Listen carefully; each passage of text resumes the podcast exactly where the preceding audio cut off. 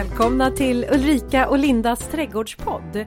Det är jag som är Linda Kylén, trädgårdsmästare och konstnär. Och det är jag som är Ulrika Levin, trädgårdsarkitekt och eh, arkitekt. Eh, idag, Linda, så ska vi prata om eh, mitt favoritämne, nämligen hur man designar sin trädgård. Det ska vi. Ja, men det är jag också ganska intresserad av. Fast jag kanske jobbar med design på ett annat sätt än vad du gör, tror jag. Ja, och eh, vi kan väl redan nu förtydliga att vi kommer prata om formgivningen av trädgården, det vill säga dispositionen av ytorna och inte gå in i detalj på hur man lägger upp en plantering eller en rabatt till exempel. Det kommer vi kanske spara va? Så tar ja, men, vi det vid ett senare avsnitt. Ja, jag tycker att det är ett helt eget ja. avsnitt för det finns så mycket att säga om det också. Eller hur? Eh, men generellt Linda, eh, vad, vad, är, vad, vad är trädgårdsdesign för dig? Om jag ska det första jag tänker på när jag tänker trädgårdsdesign det är att det är väldigt välordnat, välorganiserat, eh, välstädat. Rabatterna, om vi nu tittar på dem, så skulle jag säga att där, där radar man mera upp växtslagen bredvid varandra snarare än att väver in dem i varandra. Om jag skulle vara kritisk så skulle jag säga att det kan tendera till att bli opersonligt. Oj. Den var du inte beredd på.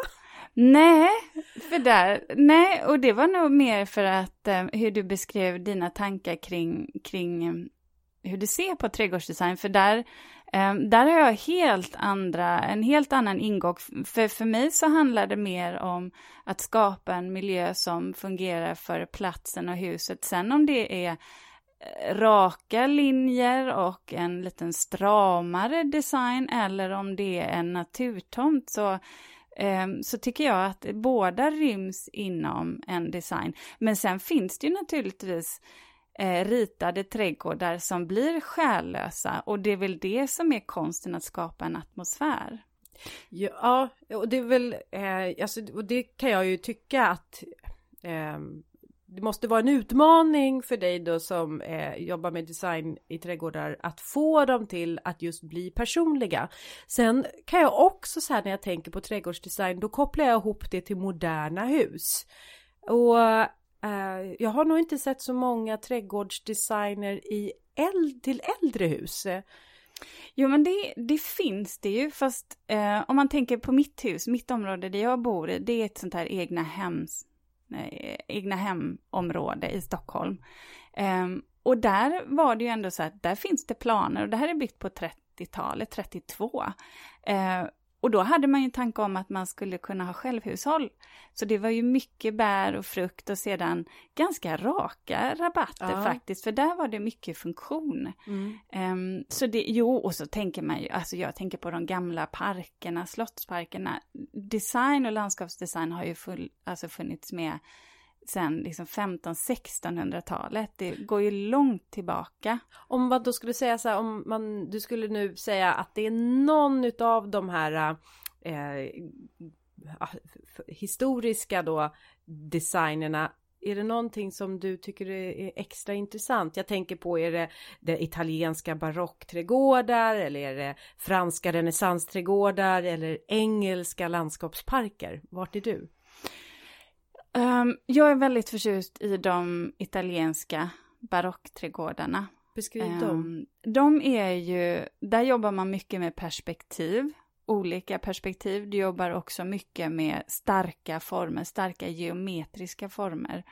Uh, också mycket med Tycker jag i alla fall, för det här hänger ihop med husen men också med arkitektur. Man kanske har en loggia, Eh, uteplatserna är anpassade så att man ska kunna vilja vara där i skuggan, inte alltid nödvändigtvis i solen. Eh, många gånger har man en koppling till landskapet, beror ju på var det ligger. Men det är, det är stramare, det är det.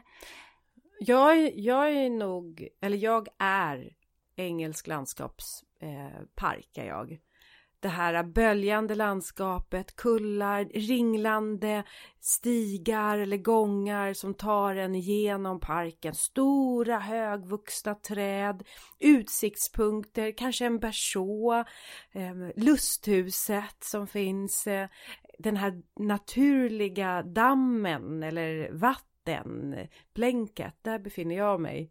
Och där är ju två olika stilar egentligen, eller tre. Alltså de, den engelska designen rymmer ju så mycket. För nu pratar ju du landskapsparker. Um, och den var ju som du beskriver väldigt naturlig. Men sedan har man ju också det här strama med klippta häckar, arrangerade eh, rabatter kontra eh, en cottage garden som är någonting helt annat. Ja. Och lite som vi pratade om i vår resespecial. Just det, den engelska trädgården som vi besökte där. Precis. Mm. Så det är ju olika stilar. Eh, har du någonting att säga om renässansträdgårdar då, i Frankrike? Mm. Jo, men de har också, där, det är ju också mycket, där tänker jag ju mycket geometri. Mycket tuktat känner ja. jag, så här, begränsa, det är inte naturen som styr utan det är handen som styr. Det är ju mer som en tapet. Eh, ja. Alltså det är ju egentligen perspektiv som gör sig bäst ovanifrån. ovanifrån. Det här kan ju också leda in i det här att när man nu ska göra en design och man inte ska göra den själv utan man ska anlita någon. Då kan det ju vara ganska intressant att veta sådär, vad är det för trädgårdsdesign som eh, den här designen vurmar för? Där, och där, ja, jo, för där är en jätteviktig poäng. Um, för jag tycker att när man väljer en designer, oavsett om det är till sin trädgård eller till sitt hus, så ska man ju någonstans se stilmässigt, känslan, vad, vad är det för typ av trädgårdar som den här personen skapar? Eh, för det är ju det som är det viktiga. Det är inte som att gå ut och kanske göra en upphandling för anläggningen sedan, för här handlar det om formgivning, det handlar om kreativitet, det handlar om känsla, det handlar om kunskap, kan man hantera en tomt med stora nivåskillnader, det vill säga kan den här eh, designen den, göra... Den tekniska aspekten? Ja, alltså det är inte så att man som designer och arkitekt kan de tekniska eh, det tekniska underarbetet utan det är ju i så fall så har man ju Eh, det ligger ju på anläggaren eller ibland en konstruktör eller en ingenjör. Om vi pratar hållfasthet på mark och man har väldigt speci alltså specifika förutsättningar eller man ska bygga en hög mur. Det måste ju eh, någon, det måste en konstruktör räkna på, men det är väldigt sällan det är aktuellt i en vanlig trädgårds um, i trädgårdssammanhang. Men däremot så måste man ju då som designer veta vad är bygglovspliktigt, då ska ju kunden kunna lösa det, eller det vill säga att man gör bygglovsritningar. Man måste klara av att ta hänsyn till höjderna, mäta upp det. Eh, och det är ju andra aspekter också som är jätte, jätteviktiga att ta hänsyn till, för annars så får man som, som trädgårdsägare, då står man där med en ritning som faktiskt inte funkar. Och varför kommer man till dig då eh, som privatperson eller företag för den delen? Och vad, vad är det som gör att man vänder sig till dig som eh, trädgårdsdesigner och arkitekt? Vad det... är det det brukar vad handla, landa i? Vad är det man har problem med? Ja men det är väl det att man någonstans, många av mina kunder inser att det här kommer de aldrig ro i land själva. Och det är en stor investering, vare sig man anlitar någon som gör det eller om man tänker göra stora delar själv. Det kommer vara en investering i både tid och pengar. Men eh, Linda, jag tänkte, har du någon, har du någon speciell person inom mitt yrke som du ja, men ser upp till lite extra? Ja, det har jag. Alltså nu, nu ska inte jag så här säga att eh, design behöver vara opersonligt egentligen. Men eh, för att det var faktiskt så här att anledningen till att jag ens sitter här som trädgårdsmästare. Det är ju dels så hade jag ju ett möte med dig eh, Ulrika när du var designer och jag blev ju starstruck över dig. Det blev jag ju. Eh, men det fanns en person som jag också så här har verkligen sett upp till och det är Ulf Nordfjell. Ja, han är fantastisk. Ja. Och Jag, när jag fick upp mitt trädgårdsintresse, då eh, hade jag hört talas om Chelsea Flower Show. Och jag måste till Chelsea i England, för där är liksom designernas design. Och jag trodde jag skulle bli trädgårdsdesigner. Och eh, där representerade ju då Ulf Nordfjell eh, vid flera år faktiskt. Och eh, jag tror han till och med fick så här Best in Show Gardens också. Och gjorde, och då stod man där och så stod jag där och så var jag lite patriotisk. Så här, kände lite att ja, ja, jag är svensk. Det här är en av eh, mina.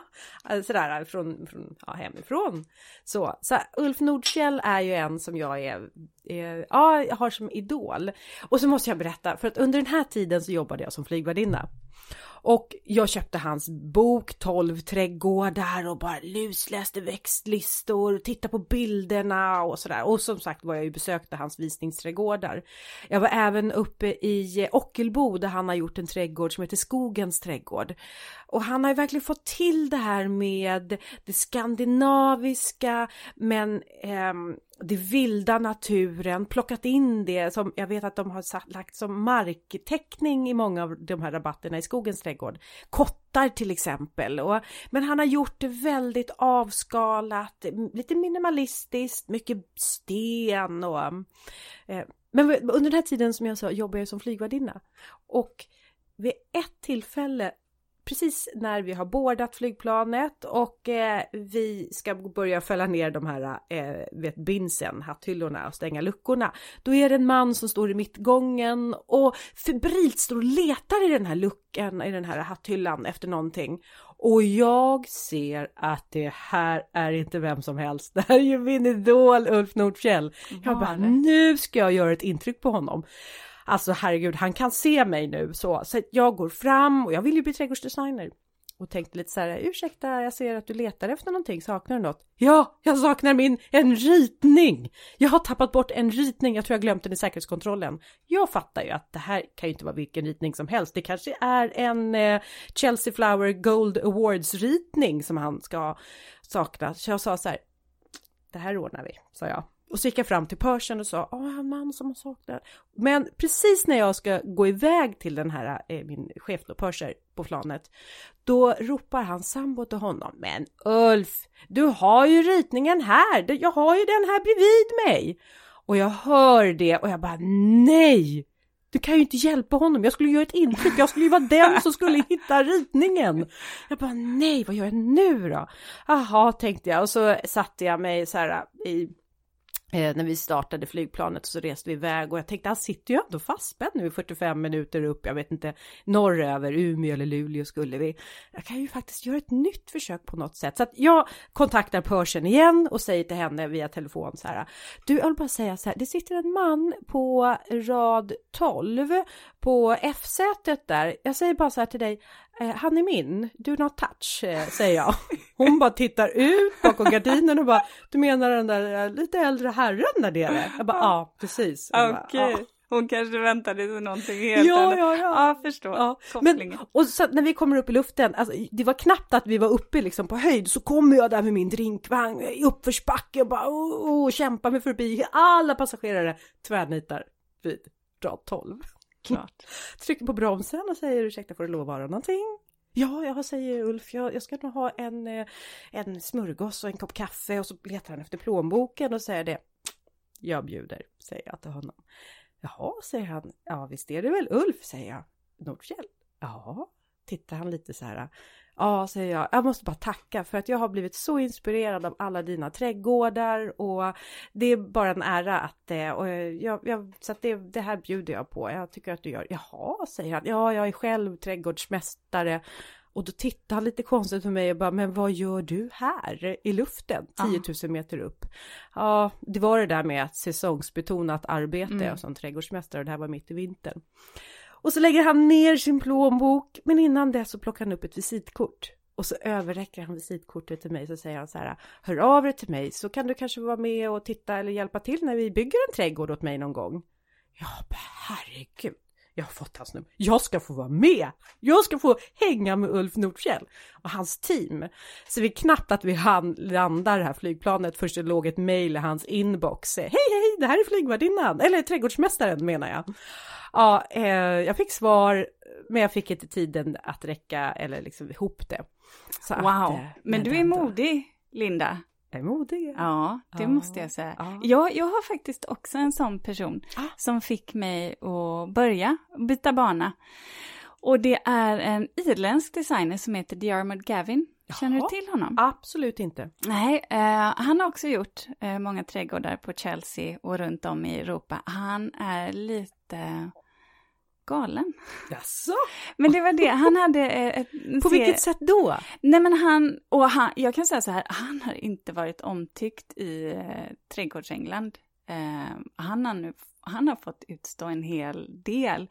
För han gör sina trädgårdar, han har alltid någonting oväntat, konstruktioner, han kan ha plastbollar eller han kan ha ja, hissar i trädgården, men mycket av det han också skapar, och, och det kan man ju tycka vad man vill om, men det jag tyckte han hade, det var det att han tänkte, han tänkte fritt, han hade en kreativitet som, som lockade mig. Och vissa saker i hans konstruktioner var ju bara så här, men wow! Jag kunde verkligen känna den här känslan när jag gick på den här spången som han hade anlagt. Och det såg ut som glittrande eldflugor i, i gräsen som, som omgav den här gången. Så vad var det glittrande eldflugorna? Var det, det var ljussättningar. Ljussättningar. Ja, och det var helt att filma dem på kvällen där. Det var så vackert så att då, då kände jag att den där kreativiteten mm. um, vill jag släppa lös. Mm. Så att han... Oj, vad han nyfiken jag blir på honom. Ja, uh, så han, han är rolig. Vad hette han sa du? Diarmid Gavin heter han. Di...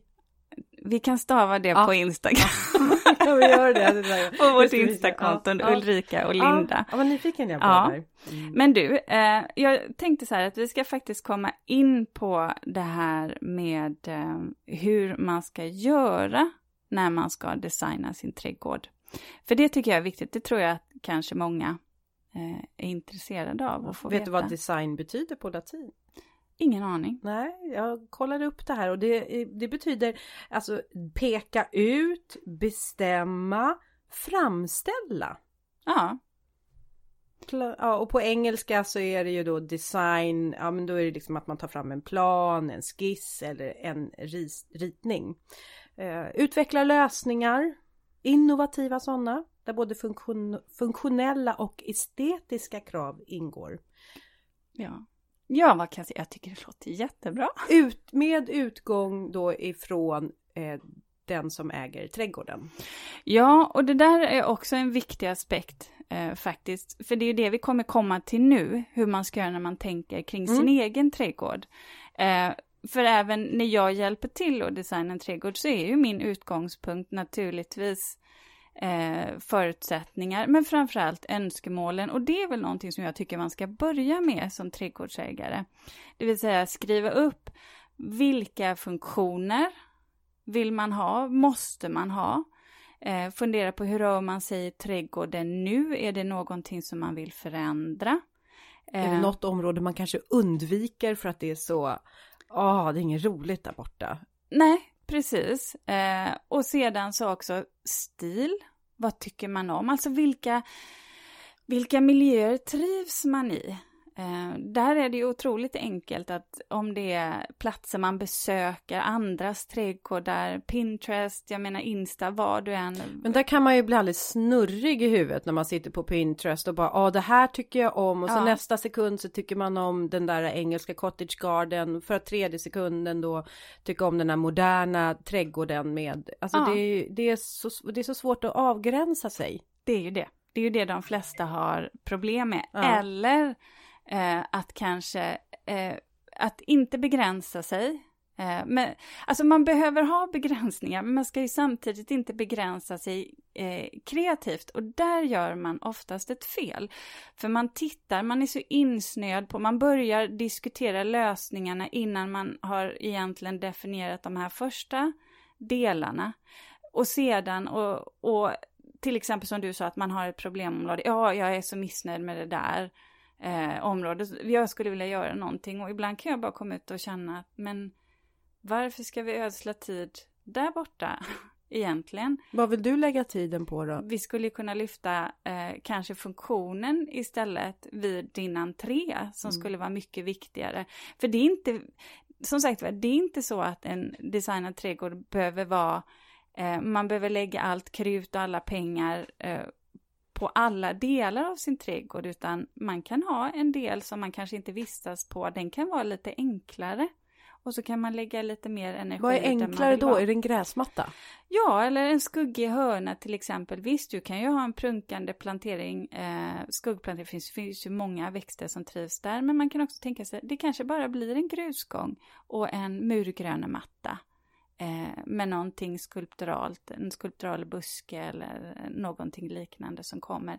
Då ser det det ser inte ovårdat ut, det ser inte ut som man har lämnat, det finns ändå en tanke, men det kanske kostar en tiondel av det som du tänker lägga på din uteplats. Mm.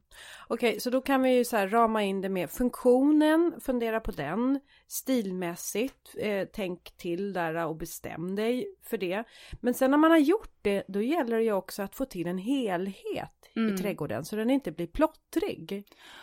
Och då måste vi också komma till någonting som är otroligt viktigt och det är ju så, vissa saker är ju faktiskt fasta, det vill säga som man måste förhålla sig till.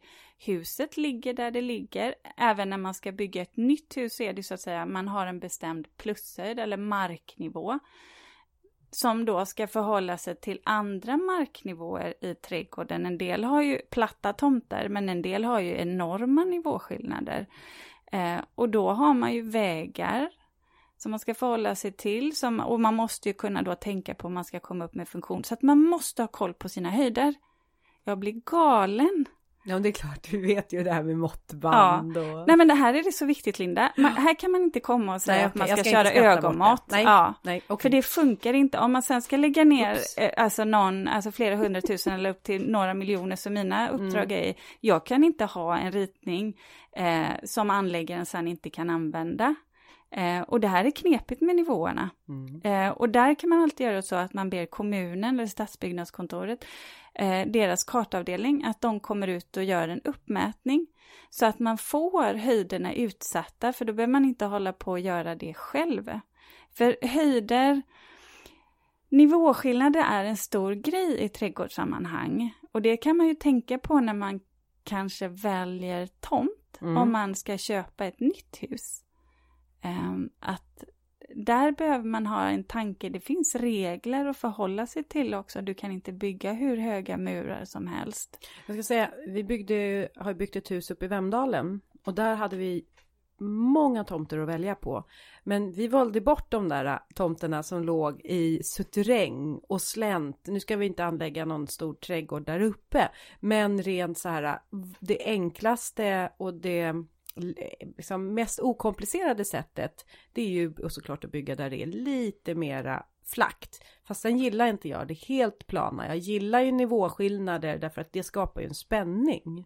Jag tycker, jag älskar de här eh, tomterna för de har en, du vet de har en dramatik redan från början. Du kan göra det så spännande. Men då måste man ju, desto mer måste man ju tänka på att oftast när man har stora nivåskillnader så kommer du också se många av eh, alltså, din form i trädgården kommer ju också synas nerifrån, underifrån. Och då måste man ju tänka på vad har man för finish där så att allting blir snyggt och att det inte bara trillar på en eh, när man kommer. Så det finns ju jättemycket att säga eh, kring de skillnaderna. Mm. Och så då måste man ju då ta hänsyn till platsen. Ja. Absolut. Ja, ja. Mm. Och, och det, det, det kräver en del och det kan ju vara svårt att själv. Men vad är målet då med en, alltså en god design på en trädgård? Själva poängen med den, kan det vara, om jag tänker, kan det vara att skapa en behaglig plats, plats att vistas i och njuta i?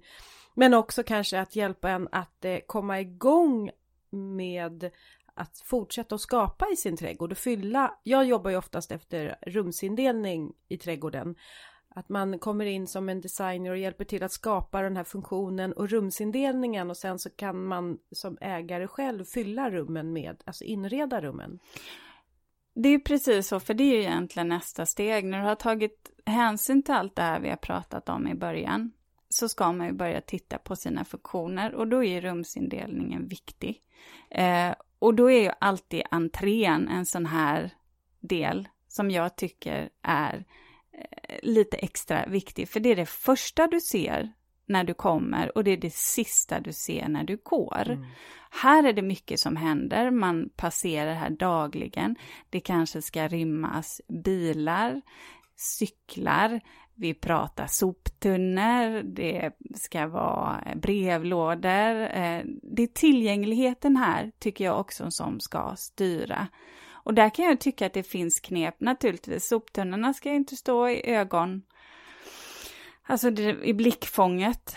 Eh, och de kan man ju bygga in. Man kan också bygga in dem med häckar, till exempel göra som en nisch och bara trycka in dem. Men också någonting som jag tycker är viktigt, det är det här eh, bilarna. Att försöka placera dem så att de inte är framför huset. Det beror ju på hur huset ligger naturligtvis, men ofta finns det ju lite döyta åt sidorna eftersom man behöver ha en viss ett visst avstånd till tomtgräns. Ja, vi har ju ett hus som är byggt, alltså det är byggt på 1920-tal och det var väl i princip det enda huset i området. Men sen har ju den här tomten under årens lopp styckats av och det har ju gjort att jag tror att man, eller tror jag vet att man har ju ändrat entrén till vår vårt hus. Så vi har ju entrén då eh, på gaven och de har ju då anlagt en stor liksom bara parkering framför huset. Eh, och där har ju vi det att vi måste ju gå genom bilar och idag var du hemma lite snabbt. Jag har ju skurit ner en massa syrener så att nu låg det ju syrener på garageinfarten. Det är lite knöligt innan man kommer in genom den här portalen. Ja, men samtidigt så är det, det ni har gjort och det man ska göra då om man så att säga behöver ha en lösning där bilen ska vara framför huset, då skapar man ju en barriär sen. Ja. Det vill säga ett stopp så att bilarna inte syns och det tycker jag är så superviktigt för att det handlar ju också om att göra avgränsningar, avdelningar i sin trädgård och fundera på insynsskyddet också. För insynsskyddet är ju också ett vindskydd och där skapar man ju också en behaglig plats att vistas. Ja, och sen får man ju då fundera på nästa steg. Vi säger vi har hanterat entrén. Och här är det ju ofta nivåskillnader. Du ska ju upp till huset. Hur ska mm. du röra dig? Hur, hur ska du, liksom rörelsemönstret vara superviktigt att tänka på. Men sen har du ju fortsättningar. Vissa hus rör man sig ju mer i huset än runt om i trädgården och då får man ju fundera på det. Men sen är ju naturligtvis uteplatsen. Den blir ju viktig. Mm. Och där är det så essentiellt att tänka på att man får en tillräckligt stor eh, uteplats, men som också är proportionerlig till huset. Det här är oftast inga problem att lösa. Den behöver ju inte nödvändigtvis vara i alla, alltså i samma nivå, utan man kan ju ha olika nivåer, terrasseringar. Har man en platt tomt kan man ibland skapa en extra terrassering om man vill inte så att man måste göra det, för man kan jobba med höjd på andra sätt också. Men här behöver man ju tänka till, hur ryms det? Eh, var kommer vi vilja sitta? Behöver vi skugga? Eh, vad är utgången till huset? Ska vi öppna upp någon ytterligare utgång för att få en bättre planlösning? Så där är det ju viktigt. Och det, då, man har ju jag tror att de fem viktigaste mm, eller liksom populäraste sätt att använda sig av sin trädgård på det är ju att man har en trädgård för att koppla av i. En trädgård eh, som är fylld av lekutrymmen eh, om man har barn eller barnbarn för den delen men också en plats där man har tillgång att vara på med umgänge för vänner. Att det ska vara de här lite som du säger större altanen eller terrasserna. Och sen så köksträdgården såklart och odlingen. Det är väl ja. det liksom, det är avkoppling och om man är intresserad av det. Mm. Det är ju inte ett måste heller. Och jag säger det att man behöver inte ha fruktträd i sin trädgård heller. Om man inte är intresserad av det, kan man inte hantera det, strunta i det. Mm. Jag tycker att det är jätteviktigt i en design att man minimerar måsten. Eh, för det har vi så mycket av ändå. Det ska vara någonting som man kan njuta av. Men kan det här vara någonting då, minimera måsten? Att man kopplar in en trädgårdsdesigner just därför att en trädgårdsdesigner är skicklig på att skapa ordning och reda. Och har man lite ordning och reda så är det är ju mindre att hantera Ehm, alltså det är som att du har ett välstädat hem. Du har funktioner, du har en garderob, du har där du kan liksom in och förvara saker, förvaringsmöjligheter. Att det blir ett sätt att eh, vistas i trädgården utan att det egentligen är så mycket att ta hand om. Det är det ju och sen är det ju att mitt yrkesområde är ju brett, alltså det kräver kunskap inom många områden. Det kan ju vara när man jobbar som arkitekt, eller de flesta tror jag.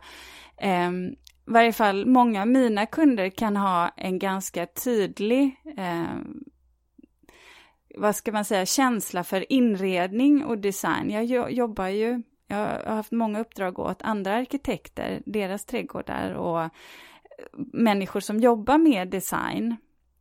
För de känner att de har det där, men sen så kommer de ut i trädgården och ser det som ett svart hål. Det blir för många saker som man måste hålla i huvudet samtidigt för att få det att funka. Um, är det en större utmaning då att skapa en eh, fin design i en villaträdgård som har andras häck backar, att eh, förhålla sig till, andras hus att förhålla sig till snarare än om du har en trädgård där du bara har en vacker utsikt över ett fält som du kan använda i din trädgård som en siktpunkt eller en vacker insjö där du har det här liksom behöver man kan man till och med ha en mindre trädgård om man bara har vackra utsiktspunkter? Ja men så kan det ju naturligtvis vara. Perspektiven är ju jätteviktiga och det blir ju någonstans, vad ser du inifrån, vad ser du när du sitter i din, eh, i din trädgård. Men sen är det ju också där att skapa, skapa insynsskydd eller barriärer, alltså avgränsningar och det kommer ju vara viktigt. Och ibland får man ju göra det i ytterkanten av tomterna mm. och ibland så, så får man skapa det eh, lite längre in. Sen är det ju så här, har man en liten trädgård så är det så många som blir så ledsna för de bara känner åh, jag kan inte göra någonting, det är helt hopplöst, den är för liten. Begränsad. Men då jobbar man på höjden. Som alltid, då får man jobba på höjden och där, där, är ju, där måste man räkna, där måste man Hur oftast... tänker du när man jobbar på höjden då? Är det träd och trädkronor, klätterväxter? Eller klätterväxter vad... är ju bra, träd kan ju ta mycket plats, men det kan vara klätterväxter, det kan vara konstruktioner, man kan ju skapa å andra sidan en väldigt intim miljö i en liten trädgård snabbt, för du får upp det, alltså du får känslan ganska snabbt. En större trädgård, då måste du ju dela upp den mer, faktiskt på ett annat sätt. Då är det eh. mera rumsindelning medans eh, ja. i en liten trädgård så kanske det inte ryms så många rum utan det är mera indelat i platser eller? Ja, ja. så är det ju. Jag tycker jag engelska så här radhusträdgårdar är väldigt inspirerande att titta på. De har ju oftast liksom äh, ja, att man går in genom, man har en liten framsida men sen har man då den här ut, baksidan som är lång passage där man ändå har lyckats med. Där har de ju, och det är ju vanligt i, i stora delar av Europa och, och även USA, att man faktiskt har eh, att man har mycket, mycket högre insynsskydd eh, och inte bara i form av häckar utan ofta plank eller murar. Där särskiljer vi oss i Sverige för vi det finns ju ett visst motstånd eh, i att ha plank och murar hos de flesta stadsbyggnadskontor. Mm. Eh, utan det är ju att vi ska ha en stadsbild som, som har mer öppna trädgårdar, eller i varje fall grönskande stopp som häckar. Det, det är ju, tycker jag ändå igen, det ja. känns väldigt svenskt. Ja. Sen, sen, en sak som jag bara vill ta upp eh, också. Um, som jag, den här frågan får jag tack och lov inte så ofta längre, eller den här kommentaren. Eh, det är ju när vi pratar uteplatser. Där tycker jag att ni ska se uteplatsen som en förlängning till huset. Alltså oftast om vi pratar om en altan som ska sitta ihop med huset, där måste man någonstans ta hänsyn till husets arkitektur också. Jag blir galen när jag får den här frågan. Alltså det här oh, ni skulle se Ulrika nu, hon spänner sig, hon drar upp axlarna ja, till det, öronen. Det här, det här är en sån där, Aha. det här är en kommentar som jag ofta får och det är det här att... Nu kommer den. Ja. Kunden har förklarat hur de vill ha det och så altaner och så får vi, så får vi, får vi kapa hörnet här eller svänga lite. Jag bara, vad skämtar du med? Varför, varför ska du kapa hörnet? På altanen? Jag har gjort så hemma. Ja, jo men alltså så här, jag säger inte att man inte kan göra det, men då brukar jag ofta fråga, men kapar du väggarna? Har du inte raka väggar inomhus? 90 graders hörn? Jo, det, det kan de hålla med om, det har de. Men varför måste du kapa ditt hörn ute, alltså på en altan? För att i tron om att det blir för vasst. Alltså att det blir någonting hårt. Skit i det, det är en myt. Alltså det är nej, men, nej, men bullshit. Vänta, nej, nej, men det här håller jag ändå inte riktigt med om. Men det här handlar om, jag, jag tycker, jag gillar inte vassa hörnor. Jag tycker det är så här skarpt. Men och ibland här, så måste man... man ha det Linda till ja. för att det handlar om ett ha? hus. Alltså det är en förlängning av huset, man får se det som att det så att säga följer husets linje och man därför har eh, ett 90 graders hörn, kanske med ett staket och så vidare. Och då blir det faktiskt mycket finare. Men sen finns det ju lägen där man behöver kapa sina hörn. Ibland så jobbar jag ju med trädäck där vi har svängar, alltså böljande former. Då har jag inga skarpa hörn. Och det man kan göra sen, om man har ett skarpt hörn, det är ju att du har en plantering utanför där du har det yviga, kanske lite bollformade eller någonting då som mjukar upp det. Men man ska inte vara rädd för att ha 90 graders hörn på sin altan. Det finns inget absolut måste att de måste kapas. Eh, utan där tycker jag nog att där får man se det som en förlängning av huset. Mm. Jag, kan, jag kan köpa som du säger att man kan då mjuka upp den där hörnan med någonting runt i, i en buske eller någon växt. Ja vad bra för annars, ja. annars så tror jag vi hade fastnat. Ja vi hade fastnat. Fast jag är inte helt överens över det ändå för då, då bygger man ju ändå bort den där 90 graders vinkeln. Men vet du vad också jag tror vi landar i? Jag är ju intresserad utav feng shui. Och i feng shui-lära, då vill man inte ha de här skarpa hörnen. Och där vet jag att där är vi ju lite där tänker vi olika. Ja, men, men vi, alltså, alltså, vi måste ha ett feng shui-program också. Det är inte så att jag slaviskt använder mig av den läran. Det är bara det att det kommer naturligt för mig. Hemma, alltså vi pratar insidan i våra rum då. Ja visst, jag har 90 graders vinklar i hörnorna. Men där brukar jag ofta ställa en kruka med en liksom, palm som är så förmakspalm eller något som har en rund kruka för att mjuka upp den där hörnan. Nej, ja, vi alltså vi, jag tänker moderna trädgårdar på en gång och, och så vidare så att um, ja. nej och, och dem, ja. Nej men man, jag tycker ändå man kan ta till sig det, verkligen det du säger, gör en förlängning av huset. Det jag tycker så här med, även med feng shui, det det där att det jag har svårt för, eh, det är att jag tycker att vissa läror blir en, ett koppel, alltså att det begränsa min kreativitet. Det handlar ju någonstans om god design, god arkitektur i slutändan. Sen tror jag att principerna som man använder inte nödvändigtvis skiljer sig åt, för det handlar ju återigen om det ögat ser men också hur man upplever det. Ja. Sen också... om man beskriver det på olika sätt, det må så vara. Mm. Men det kan också vara så här ett, ett skönt sätt att stötta sig emot. Ja, men det finns en checklista. Det här bör finnas med.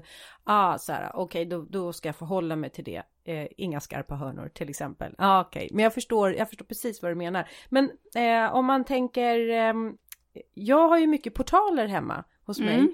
Och det ser jag som trädgårdens dörrar. För det är ju det här också övergångar i trädgården mellan de här ytorna eller de här rummen. Hur gör du med dina övergångar när man då kommer från entrén säger vi och så går vi in på det stora rummet som jag kallar för vardagsrummet, gräsmatterummet. Hur mm. gör du när du skiftar? Det beror ju helt på vilken tomt man har, men det kan ju vara en skiftning i nivåskillnad. Det kan vara en skiftning i materialval. Jag tycker väl om eh, att i mina trädgårdar stänga av en del, egentligen att göra entrén lite särskild från resten av huset så att man någonstans kliver in i någonting annat. Mm. Om det sen är med eh, plank eller spaljer eller att det kanske helt enkelt är så att man eh, rundar, alltså man lägger gången på ett sådant sätt så att perspektiven blir dolda förrän man då har kommer i rätt vinkel. Um, det kan det ju vara, men det tycker jag, det blir viktigt. Det ska kännas, sen kan trädgården vara väldigt öppen där inne eller återigen då indelad i rum. Mm. Vad är grejen med blickfång? Ja, men de är jätteviktiga. De är ju jätteviktiga för att det är det som skapar en känsla. Det är det som du, där kan man ju trolla med djup. Till exempel har du en liten tomt, ja då kan ju en gång på diagonalen egentligen vara ganska smart för där har du ju det längsta måttet på tomten. Så kan man ju göra. Man kan ju låta den slingra sig. Um, och här handlar det ju om att skapa eh, en spänning i trädgården. Och sedan också hur, hur mycket planteringar, det här också, jag tycker att man ska ha ganska mycket grönt i sin trädgård. Sen kan den vara av olika struktur. Men framför allt för att eh, gräsmatta funkar inte överallt. Det kan bli lite sterilt med för mycket hårda material. Eh, och då är det bättre att göra eh, en större yta med växtlighet som gör det spännande. Skulle man kunna säga det, vad är ditt bästa tips då, eller råd? Sådär, ja, um, alltså om, om, man säger mitt bästa tips och råd, om man nu ska sätta igång och förändra i sin trädgård och skapa en ny design, då skulle jag säga är fokusera på ett område i taget. Ja, men då går jag steget före dig där. Ja. Ha en plan då, ja. så du vet vilket steg du ska ta först. Rätt. Eh, för att annars så får du alltid avslut som du inte riktigt har funderat vidare på. Vad, vad tar den här gången vägen? Mycket bra. Eh, plus att om man nu ska anlita någon som ska anlägga det så är det ju också som sagt vad då börjar man ju oftast längst in i trädgården och går utåt för att har man väl anlagt någonting så vill man inte köra med maskiner där igen. Eh, så att, och då kan man också ta hänsyn till nivåskillnader, trappor och så vidare. Och där, där finns det ju också regler kring Eh, hur, ehm, hur till exempel ett steg, en steghöjd i trappsteg som vi har pratat om, någonstans mellan 10 till 16 och ett stegdjup kanske 32 till 35 centimeter. Då måste man ju se till att man får plats med en sådan trappa. Eh, så att man kan stå en entréyta till exempel där man öppnar dörren, ja där kanske du ska ha en viloplatå, men den kan inte kanske vara 70 centimeter, du kanske måste lägga den på 105 centimeter eller 120 så man kan öppna dörren mm. utan att trilla av. Just det där tycker jag är, är, en viktig del. Det är att man har de här större ytorna framför eh, entréerna, eh, ytterdörren som du säger. Jag kan tycka, jag kan känna mig trängd när jag besöker eh, trädgårdar som har en gång som leder fram till ytterdörren men det finns liksom ingen, den, den är helt lika smal nästan som trappan är. Alltså där blir jag lite så här infångad som i en folla. Jag vill att det ska, man leds fram i gången men den får gärna öppna upp sig vid entrén. Och en större grusad yta eller stenlagd yta. Så att det finns möjlighet att ställa sig lite på sidan så man inte får dörren rakt i ansiktet när man ringer på eller man vill ta ett steg tillbaks. Det är någon trygghet där. Ja, och det, det blir ju viktigt. Och samtidigt kan jag tycka att det, ibland så kan det vara väldigt fint att lägga en trappa på sidan just för att man mer smyger in mot huset. För framförallt när man har stora nivåskillnader som trappan inte bara går rakt fram. Och sen tycker jag någonstans att man måste vara, vi pratar ju om det här med stil och vi har ju nämnt i tidigare avsnitt att man kan ju förändra sina för, alltså förutsättningar på, på tomten samtidigt som jag kan tycka att det finns en poäng att jobba med naturen också. Eh, för jag hade en kund en gång som kom till mig och sa att eh, du, eh, jag vill ha en eh, engelsk trädgård. Hon ville verkligen ha eh, engelsk trädgård och jag bara frågade vad har du för budget? Den var eh, för låg. För att hon hade en bergig tomt, det var i princip bara sten. Och jag insåg att då behöver vi höja ganska mycket, vi kommer behöva spränga och göra murar. Eh, så då blev mitt svar faktiskt att då får du köpa en annan tomt. Eh, för det du vill ha, det kan, ja, det, du kommer inte kunna lösa det med den budgeten. Jag kan rita, men det kommer inte gå. Eh, Sen ringde hon mig två år senare. Du Ulrika, nu har jag köpt en ny tomt. Nej. jo, det var så roligt. Eh, så då hade hon faktiskt gjort det. Eh, men det, det jag menar, det är också någonting som jag som designer ibland måste säga att det här, det här är inte möjligt. För det måste man också som husägare ta hänsyn till tycker jag när man ritar sin trädgård. Det är därför jag tycker man ska göra det från början. Tänk på att hur mycket pengar kommer man vilja lägga ner på sin trädgård? Eh, för att även om man säger att man ska göra det över tid så kanske det finns en begränsning för de allra flesta vad man vill lägga. Mm. Och så får man ju då titta plan A, plan B, plan C. Vad ska man välja bort? Vad kan man förenkla? Och sen ändå jobba med där man kan få. Uh, jag känner att vi har så mycket att prata men tiden men, börjar springa iväg. Men jag vill bara nämna någonting ändå, för jag har gjort lite research här. Ja. det är så här historia, jag tycker, det tycker du också är intressant. Ja, historia. verkligen. Ja. Och jag har tagit reda på vem som eh, man kan säga är en av Sveriges första eh, trädgård, kvinnliga trädgårdsdesigner eller arkitekter. Ja, vem var mm. det då? Hon heter Ester, hon heter Ester Claesson och var född 1884. Eh, henne känner inte jag till. Nej, du gör inte det? Nej. Nej vad spännande. Ja. ja jo, eh, jag kom i kontakt med Ester Claessons trädgård när jag var uppe i Dalarna och besökte Karlfeldtsgården Sångs. Um, det heter, ja, jag tror att det heter Sångs, eh, Karl, ja men det heter så va? Ja. Um, där har hon gjort en trädgård nämligen som går i en sluttning ner mot uh, den här insjön som jag inte har namnet på men, men där och då fick jag upp ögonen men gud vem är denna kvinna som har gjort det här? Och hon var alltså helt ensam som kvinna i Sverige som arkitekt. Det var ju bara män som, som designade och ritade trädgårdar åt stora gods och herrgårdar och slott och privata trädgårdar. Men hon, det fanns inte ens en utbildning i Sverige för eh, henne så att hon sökte sig till Danmark. Där fick man som kvinna utbilda sig till eh, trädgårdsarkitekt.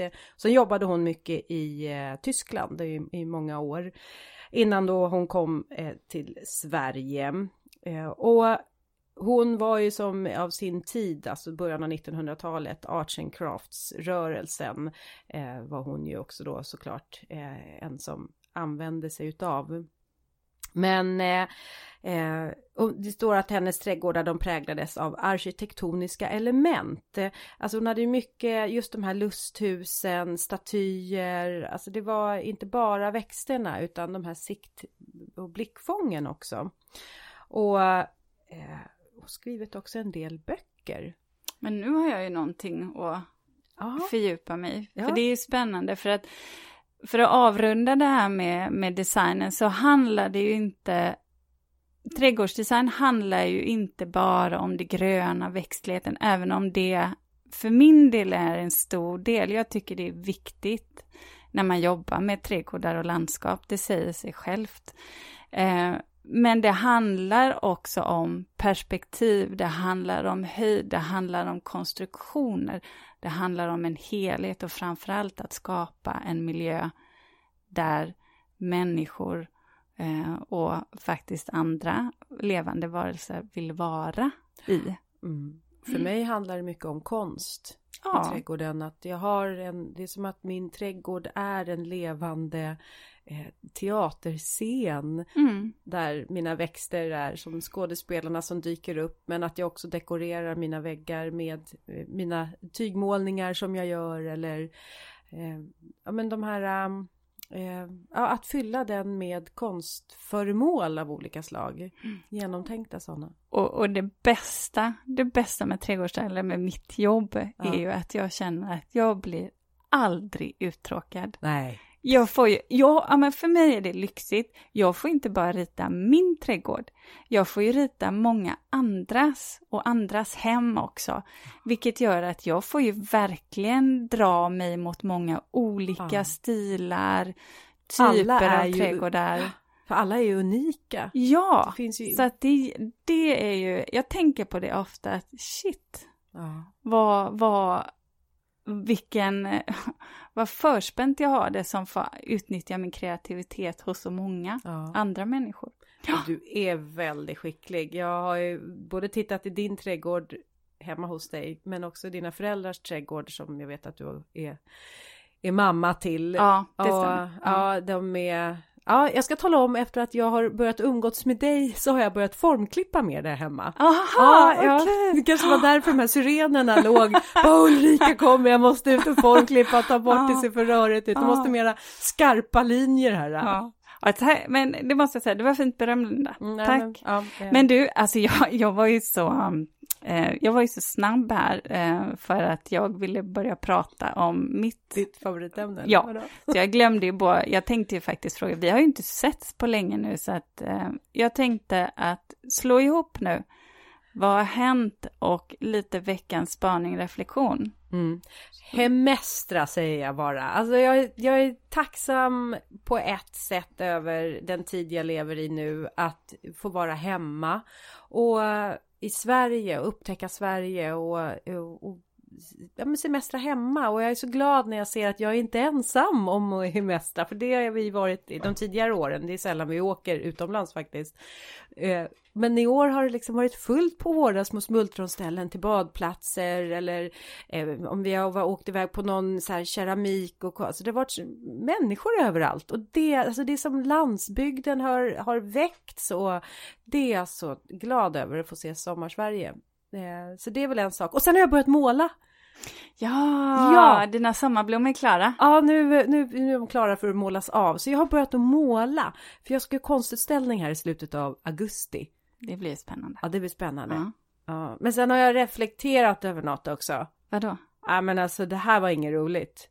Men bollkryssarna börjar att dyka upp i butikerna nu. Trädgårdsbutikerna. Vad sa du? Bollkryss. Vad är... Alltså krysantemum. Du vet det är ju höstblommor.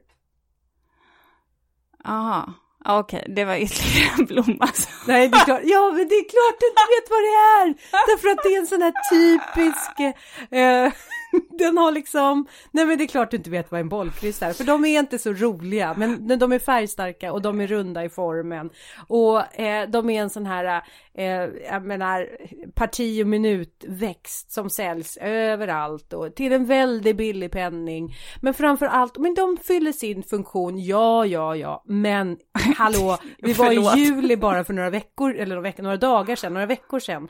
Och nu börjar de dyka upp för att det är höst. Men det är klart inte du vet vad det är. Det är en svart fläck för dig. Ja, det är... Eh, men det låter inte som jag har gått miste om något måste jag säga. Så att, eh, nej men okej, jag trodde, jag började, jag förstod inte alls, jag trodde det var någon grej du pratade om. Ja, okej. Fast, ja, men, men det Ja. finns fina bollkryss. Jag tycker om de som är så här lite pastellrosa och, och kanske skimrar lite åt den guldiga tonen. Vi kan väl säga så här, Ja, jag, kom, jag okej. kommer kolla upp Ester Claesson men jag kommer strunta i bollkryssen. Ja, du kommer, Mm. men alltså bara du öppnar ögonen när du är i en trädgårdsbutik så. Men jag brukar blunda Ja, det är väl det du gör. Ja. Får ta med dig dina döttrar, för de Ja. brukar vara duktiga på att upptäcka. Verkligen. Eh, jag har ju också haft Ja. ehm, semester.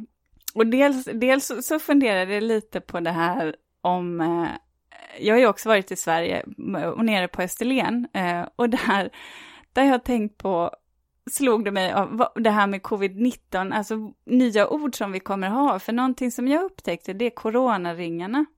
Har du märkt? Eller vet du vad det är? Nej, jag har ingen aning. Nej, för på stranden när vi låg där så var det nämligen så att människor, man gjorde en ring runt sig med, du vet, avstånd på två meter. Va? Ja, Jag så det såg, ut som, det såg ut som maneter som du vet låg så här på stranden. Ja. Och jag visste inte riktigt hur jag skulle förhålla mig till det, för på ett sätt så tyckte jag att ja, det blir väldigt tydligt och, och är man kanske i en riskgrupp eller tycker det känns väldigt jobbigt, då är ju det ett sätt att verkligen markera.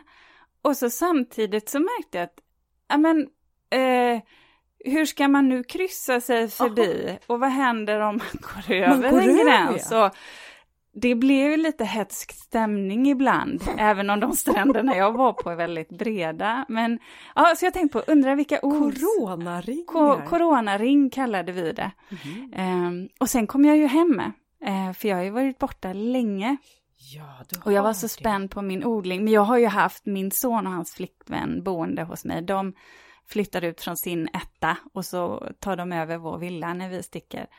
Eh, så jag, och alltså Linda, det är en explosion. Jag har skördat Va? zucchini, eh, sockerärtor, eh, morötter, rödbet. Ja, alltså mitt kylskåp är så fullt så jag får så här, vad ska jag, vad ska jag göra av hela helgen? Nu måste jag faktiskt lägga ner på att fixa till och använda det här. Använda, laga mat. Och så ska jag så nytt. Nu ska Ja. jag tillföra näring och så ska jag så lite så jag kan skörda under hösten. Bra där, för att säsongen är inte slut. Nej. Det, hösten är inte här ännu, utan vi kan fortsätta Ah. att odla. Och till och med mina sojabönor tog sig. Kan du fatta? Ja, jag, du är nog bättre än mig tror jag kanske. Alltså jag har så mycket bär och... Jag odlar bara sommarblommer Ja, nu. nej, det är helt, helt fantastiskt. Jag är så nöjd. Och jag säger som min tioåring sa. Ja. Mamma, jag känner mig stolt. Åh, Jag, Bra. ja, Ja, jag har alltså- odlat någonting som faktiskt, jag tycker det här känns bra mamma. Att Mm. när hon var med mig och skörda, för hon har hjälpt mig att odla. tänk vad det betyder. Ja. Odla, odla eget. Ja, så med det avrundar vi avsnittet och Mm. eh, jag vill passa på att berätta att från och med det här avsnittet, från och med augusti, Ja! Da-da-da-da-da-da så sänder vi varje vecka, torsdagar, eller hur? Ja, vi la ut en sån fråga här på Instagram och ni var så många som eh, ja, men gav tummen upp och applåderade och sa ja! Så att det här har vi nu sagt att det är klart, vi har så mycket att prata om. Så nu, nu kör vi Ja, verkligen. varje vecka, Ja. torsdagar. Det gör vi. Eh, och så vill jag bara påminna, eh, vi har ju vårt Instakonto, Ulrika och Linda. Och har ni ämnen som ni vill att vi ska prata om, ta upp, hör av er. Skriv Jag gör det, för det är flera som har gjort Mm. eh, redan. Mm. Har ni faktiskt. frågor? Skriv kommentarer. Mm. Och sen så finns det ju också fler avsnitt att lyssna på. Om man vill gå in och ett som jag kan tipsa om det är väl lättskött trädgård för det går ju ihop med Mm. det här med att designa sin gör det. trädgård, eller hur? Men du, vi säger så Linda. Ja men det gör vi. Och tack för att ni har lyssnat. Hej då! Hej då!